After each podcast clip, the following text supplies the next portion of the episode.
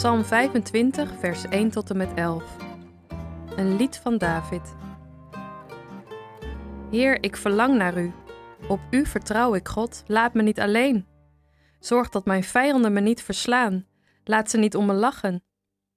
U helpt mensen die op u vertrouwen, maar u straft mensen die u niet trouw zijn. Heer, laat mij zien hoe ik moet leven.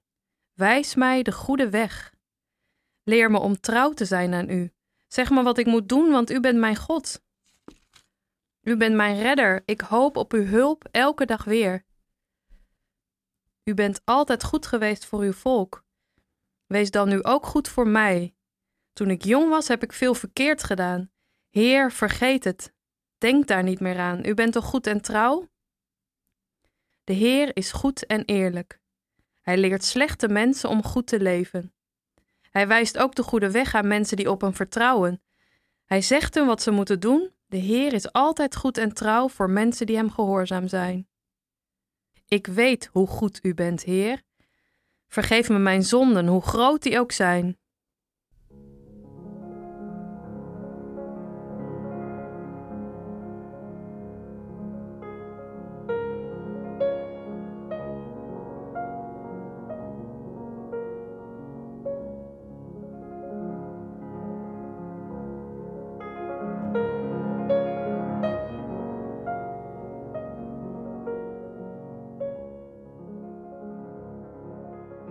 Een psalm van David. Wat zegt dat nou? Zijn ze nou allemaal door David zelf in elkaar gezet? Zou kunnen, maar volgens mij staan ze meer in de traditie van David, in zijn geest.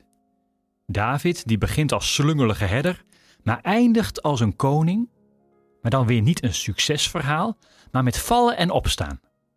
Heel veel vallen, en heel veel opstaan en dan maar proberen om Gods stem in je leven zo goed mogelijk te verstaan. Dat is de psalmtraditie van David. Hier in Psalm 25 raakt de dichter weer eens in paniek. Laat me niet alleen, zorg dat mijn vijanden me niet verslaan. Laat ze niet om me lachen. U helpt mensen die op u vertrouwen, maar u straft mensen die u niet trouw zijn. Straf. Hoe denk jij over straf? Ik ben een vader van jonge kinderen en heb moeite met straffen. Ik wil graag leuk gevonden worden. Ik maak niet graag een probleem van dingen.